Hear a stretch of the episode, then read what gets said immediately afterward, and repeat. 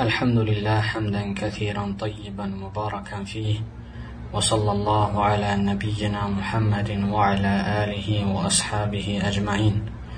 Əziz müsəlmanlar, İslam dininin mötəbər alimlərindən olan Muhammed ibn Süleyman Ət-Təmiminin İslamın Fəziləti adlı risaləsindən Allahın izni ilə dərs keçməyə çalışacağım. Bu risalə kiçik bir risalədir, lakin özlüyündə böyük mənaları cəm etmişdir bu risaləyə keçməmişdən öncə ə, e, kiçik bir müqəddimə etmək istəyirəm. Bildiyiniz kimi İslam dinindən öncə Yahudilik və Xristianlıq kimi dinlər olmuşdu. Lakin bu dinlər ümumi bəşəriyyət üçün göndərilməmişdi. Eyni zamanda bu dinlər müxtəlif millətlərə göndərilmişdi. Artıq İslam dini gəldikdən sonra bu dinlər nəsx olundu, hökmləri də aradan qalxdı. Allah subhanahu wa ta'ala bütün bəşəriyyət üçün vahid bir din, İslam dini göndərdi. İslamdan başqa haqq bir din yoxdur. Allah subhanahu wa ta'ala İslamdan başqa heç bir dindən razı qalmayıb və İslamdan başqa başqa bir dini qəbul etməyəcək. Bəli, Yahudilik və Xristianlıq yəni, öz dövrlərində doğru və məqbul sayılan dinlər olmuşdu. Necə ki, Yahudilik Musa Peyğəmbərin zamanında məqbul sayılan bir din idi və həmin vaxtda təhrif olunmamışdı. Eyni zamanda da xristianlıq İsa peyğəmbərin zamanında təhrif olunmamışdı. Lakin İslam dininin gəlişindən sonra bu dinlər artıq nəsx olundu, hökmləri də aradan qalxdı. Allah subhanahu wa ta'ala İslam dinini dinlər içində ən fəzilətli din olaraq seçmişdi. İslam dini səadət və xoşbəxtlik dinidir və onun fəziləti, yəni İslamın fəziləti eyni zamanda İslamı qəbul edənlərin də fəzilətli olmasını bildirir. İslam dininin qədri və qiyməti ancaq möminlərin yanında uzadır. Allah subhanahu wa ta'ala İslamı sonuncu bir din olaraq seçib və ondan razı qalıb. İslamı səmimi olaraq qəbul edən Allah yanında ən sevimli şəxsdir. Bu Allahın həmin insanlar üçün və ya həmin insan üçün bir müvəffəqiyyəti və hidayətidir. İslam bir ümmətdir və bu ümmət də İslama nisbət olunduğu üçün başqalarından fəzilətli və xeyirlidirlər. Allah subhanahu və taala buyurur: "Kuntum xayra ummetin uxrijat lin-nas." Siz insanlar üçün siz insanlar üçün çıxarılmış ən xeyirli ümmətsiniz. Bu ayədən də göründüyü kimi Allah subhanahu və taala bu ümməti insanlar üçün xeyirli bir ümmət olaraq seçmişdi. Bildiyiniz kimi əvvəlki din, ümmətlər və dinlər bölündüyü kimi İslam ümməti də firqələrə bölünüb və onların yalnız birindən başqa hamısı cəhənnəmə daxil olacaq.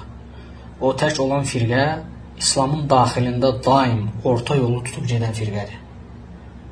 Və həmin firqə nə İslamda hər hansı bir məsələni ifrat dərəcəsində şirdəcək, nə də hər hansı bir məsələni öz dərəcəsindən, öz məqamından aşağı yerə qoyacaq daim İslamda olan hər bir məsələni öz məqamında orta yolda tutacaq.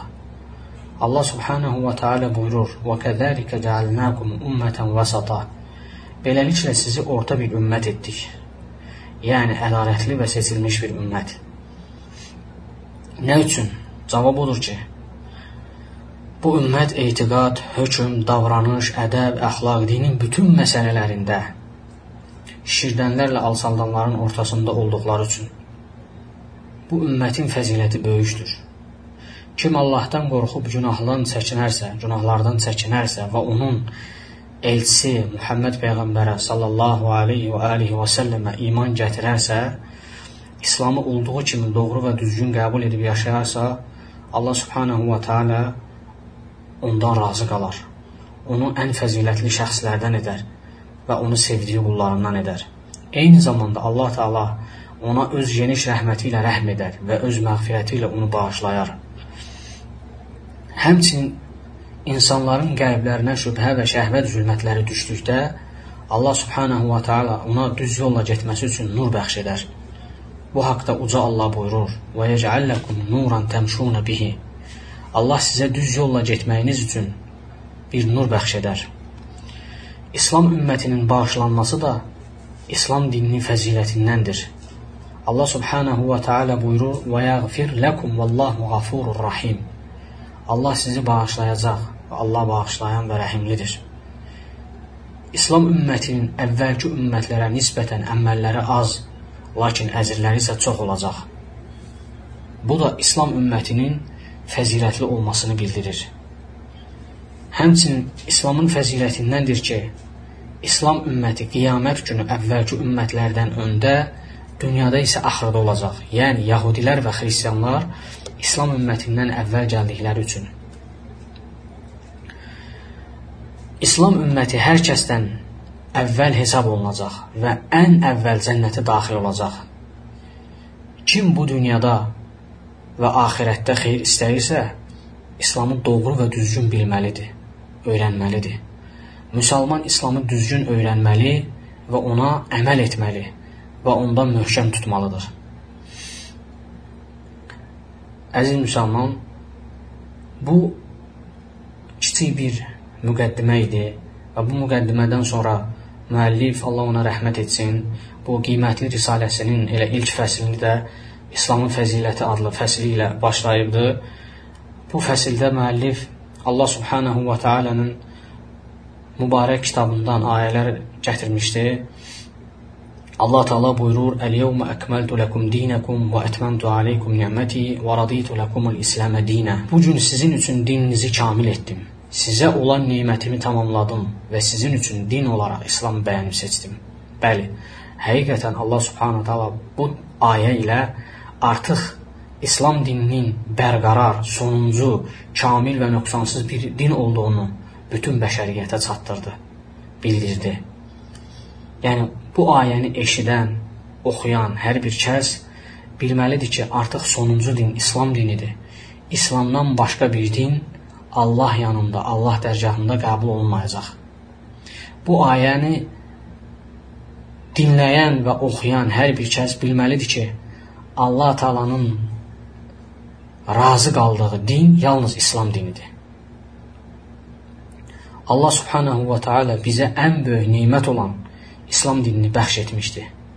Bu ayə Muhammed sallallahu aleyhi və səlləm Peyğəmbərimiz vida həccində Ərafa günü Ərafada durduğu zamanda nazil olmuşdu. Buxari və Müslimdə keçən bir rəvayətdə Yahudilərdən olan bir kişi bir gün Ömər radiyallahu anhu, Allah ondan razı olsun, yaxınlaşaraq belə demişdi. Ey möminlərin əmri, sizin kitabınızda oxuduğunuz bir ayət var ki, əgər o biz Yahudilərə inmiş olsaydı, o günü biz bayram günü kimi qeyd edərdik. Ömər radiyallahu anhuna dedi ki, o hansı ayədir elə? O dedi, bu gün sizin üçün dininizi kamil etdim, sizə olan neymətimi tamamladım və sizin üçün din olaraq İslamı bəyənib seçdim. Bu zaman Ömər radiyallahu anhu ona dedi ki, biz bu ayənin Peyğəmbərə nazil olduğu günü və yeri yaxşı bilirik. Bu ayə Peyğəmbərə sallallahu aleyhi və səlləmə cümə günündə Arafada olarkən nazim olmuşdur.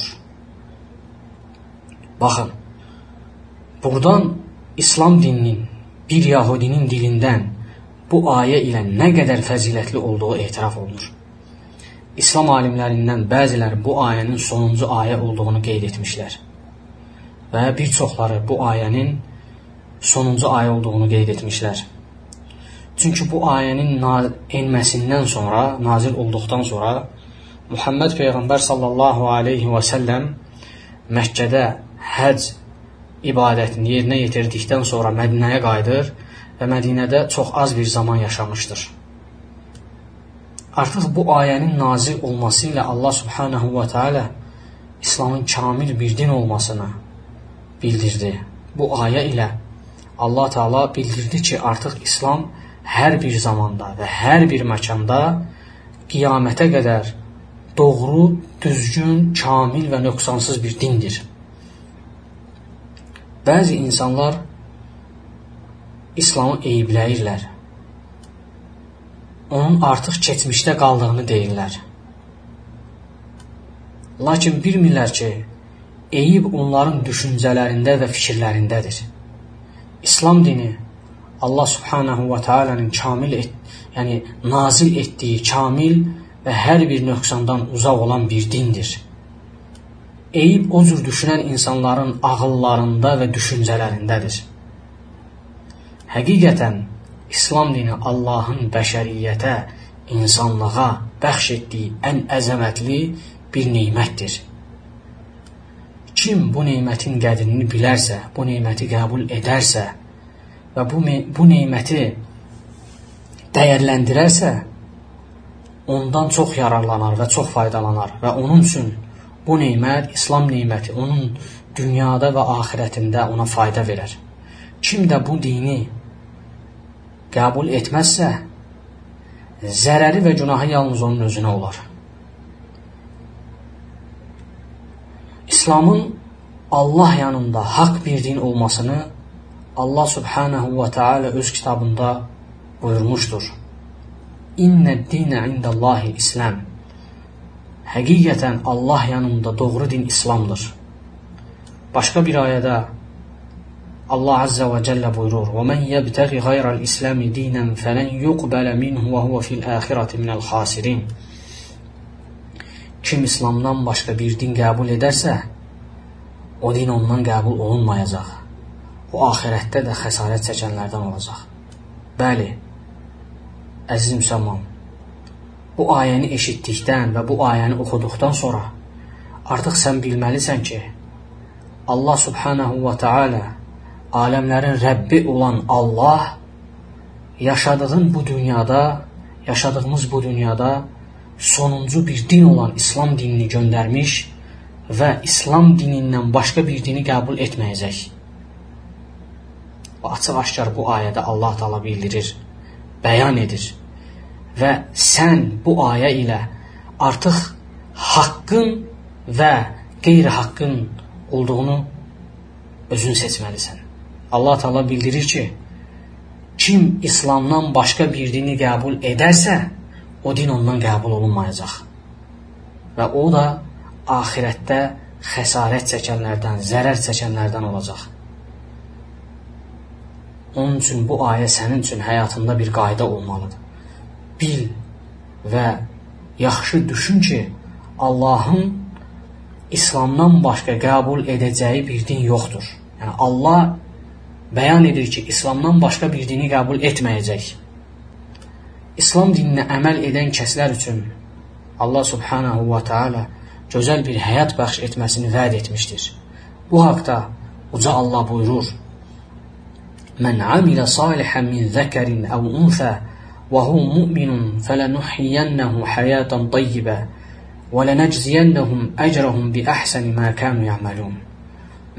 Mömin olub salih əməllər edən kişi və qadına gözəl həyat nəsib edəcəyik və etdikləri yaxşı əməllərə görə mütləq onların mükafatlarını verəcəyik. Həqiqətən Allah subhanahu wa ta'ala bu ayədə bəyan edir, bildirir ki, mömin olan istər qadın və istər kişi salih əməllər edənlər üçün mütləq onların mükafatı veriləcək.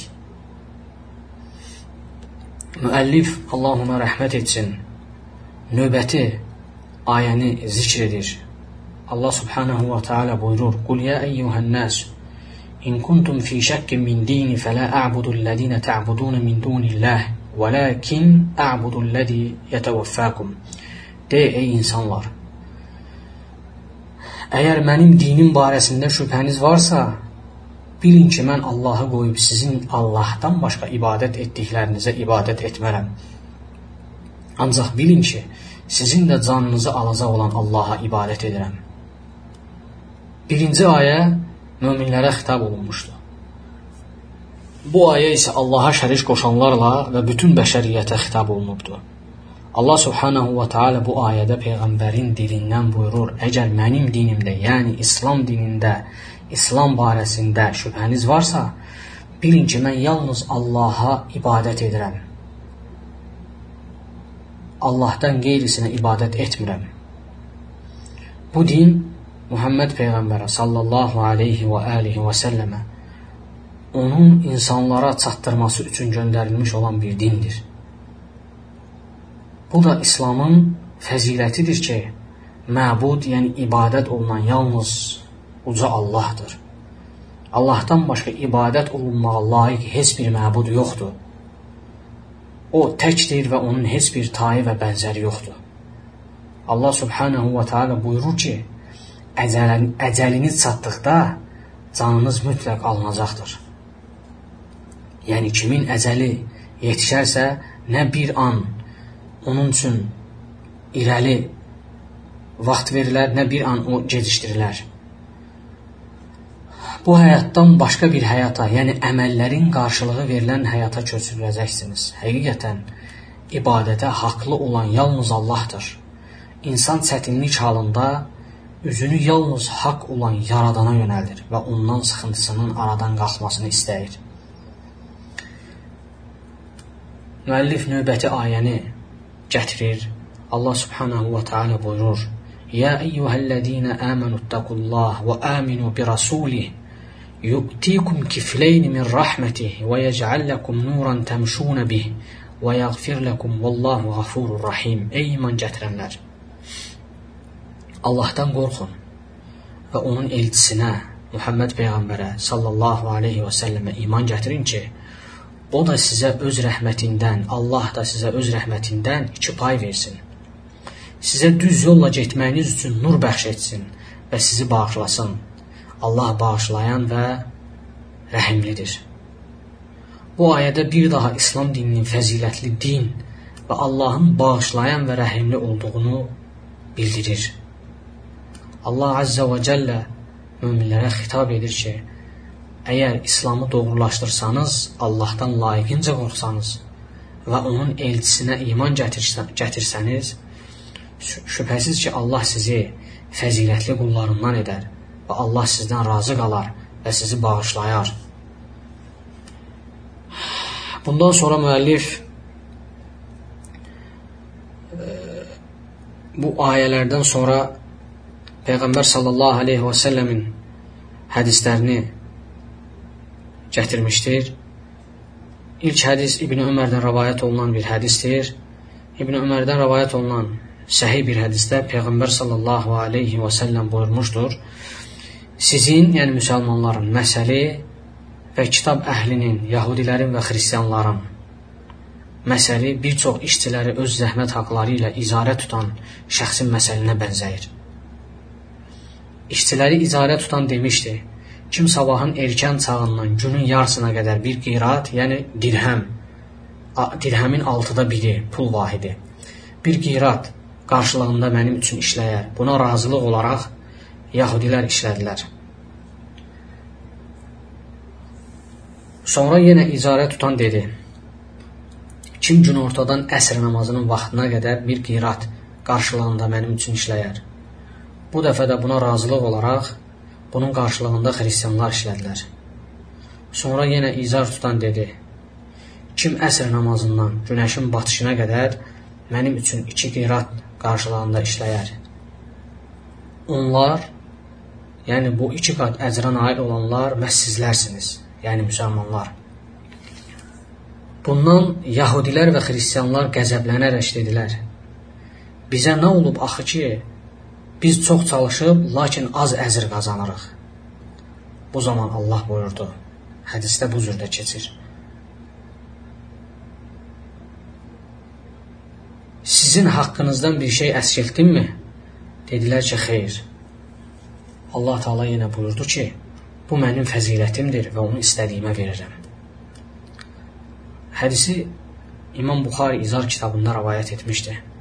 Hədisdən çıxarılan məna budur ki, Allah Subhanahu va Taala bu ümmətin fəzilətini başqa digər ümmətlər arasında əməllərinin az, lakin əcrlərinin çox olması ilə xüsusiləşdirmişdir. Əsas hədisdəki məna budur Allah Taala bu ümmətin fəzilətini digər ümmətlərdən, yəni digər ümmətlər arasında əməllərinin az, lakin əzrlərinin bərəkətli, çox olması ilə xüsusiləşdirmişdir. Başqa bir hədisdə İmam Müslimin Əbu Hüreyrədən rivayet etdi. Başqa bir hədisdə Peyğəmbər sallallahu əleyhi və səlləm buyurmuşdur. Allah Taala bizdən əvvəl olanlara, yəni bizdən əvvəlki ümmətləri cümə günündən yayındırmışdı. Bu səbəblə şənbə günü yəhudilər üçün, bazar günü isə xristianlar üçün təyin olunmuşdu. Allah bizi dünyaya gətirdi və bizi cümə gününə yönləndirdi. Beləliklə də qiyamət günü yəhudilər və xristianlar bizə tabe olacaqlar. Biz dünya əhlinin sonuncuları, lakin qiyamət günü isə bir, birincilər olacaq. Hədisi İmam Muslim Cümə kitabında rəvayət etmişdi. Hədisin mənası budur ki, İslam ümməti zaman etibarı ilə Yahudilərdən və xristianlardan sonra gəlib. Buna baxmayaraq sonra gəlsə də, lakin qiyamət günü dərəcə etibarı ilə bütün ümmətlərdən öndə, hər kəsdən, hamıdan öndə olacaq. Eyni zamanda başqa ümmətlərdən əvvəl hesab olunacaq və ilk cənnətə daxil olan da elə İslam ümməti olacaq. Bu İslamın və onun ümmətinin bir fəzilətidir. Başqa bir hədisdə Peyğəmbər sallallahu aleyhi və səlləm buyurmuşdur. Allaha ən sevimli din haqq və asan olan dindir. Hədisi Buxari İman kitabında və Ədəbül Mufrad kitabında rəvayət etmişdir.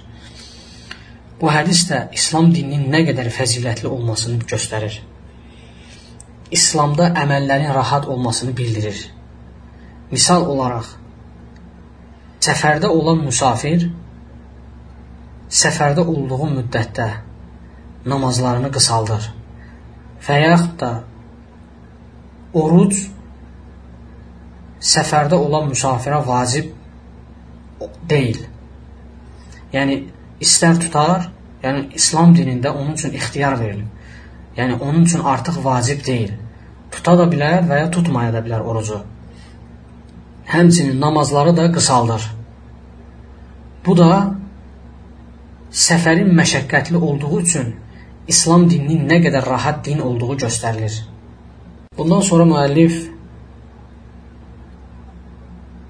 Peyğəmbər sallallahu aleyhi və səlləmin səhabələrindən olan Ubey ibn Kəbdən əsər nəql eləyib. Ubey ibn Kəb Allah ondan razı olsun, rəvayət edir ki, belə demişdir. Allahın yolunda və Peyğəmbərinin sünnəsinə, Allahın yolu üzərində və Peyğəmbərinin sünnəsi üzərində möhkəm olun və ya Allahın yoluna və Peyğəmbərinin sünnəsinə tabi olun.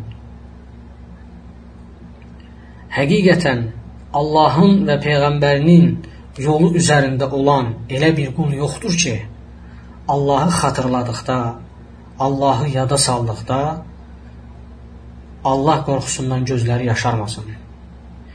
Həmin kəsə heç vaxt cəhənnəm odu, cəhənnəm atəşi toxunmaz. Həmçinin Allahın və Peyğəmbərinin yolu üzərində olan elə bir qul yoxdur ki, Allahı zikr etdikdə Allah qorxusundan onun bədəni titrəməsin. Bu şəxsin misalı yarpağı qurumuş ağacın misalına bənzəyir. Necə ki, əgər külək o ağaca toxunduqda onun yarpağını tökdüyü kimi, həmin şəxsin də günahları ondan elə silinir. O ağacın yarpaqları töküldüyü kimi, eləcə də həmin kəsin günahları ondan silinər. Həqiqətən Allahın və Peyğəmbərinin yolu üzərində olub az əməl etmək Allah və Peyğəmbərinin yoluna müxalif olub çox əməl etməkdən daha xeyirlidir. Bu əsəri İslamın mötəbar alimlərindən İbn Əbi Şeybə öz Musannəf əsərində Lələkəy Etiqad Əhl-i Sünnə kitabında İbn Əbi Asim Zuhud kitabında İbn Mübarək Zuhud kitabında nəql etmişlər. Bu əsər onu bildirir ki, həqiqətən əməl az olsa belə Lakin Allahın və onun peyğəmbərinin sallallahu alayhi və səlləmin buyurduğuna müvafiq olarsa, Allah Taala o əmələ bərəkət verər və o əməlin sahibini sevər və o əməlin sahibindən razı qalar.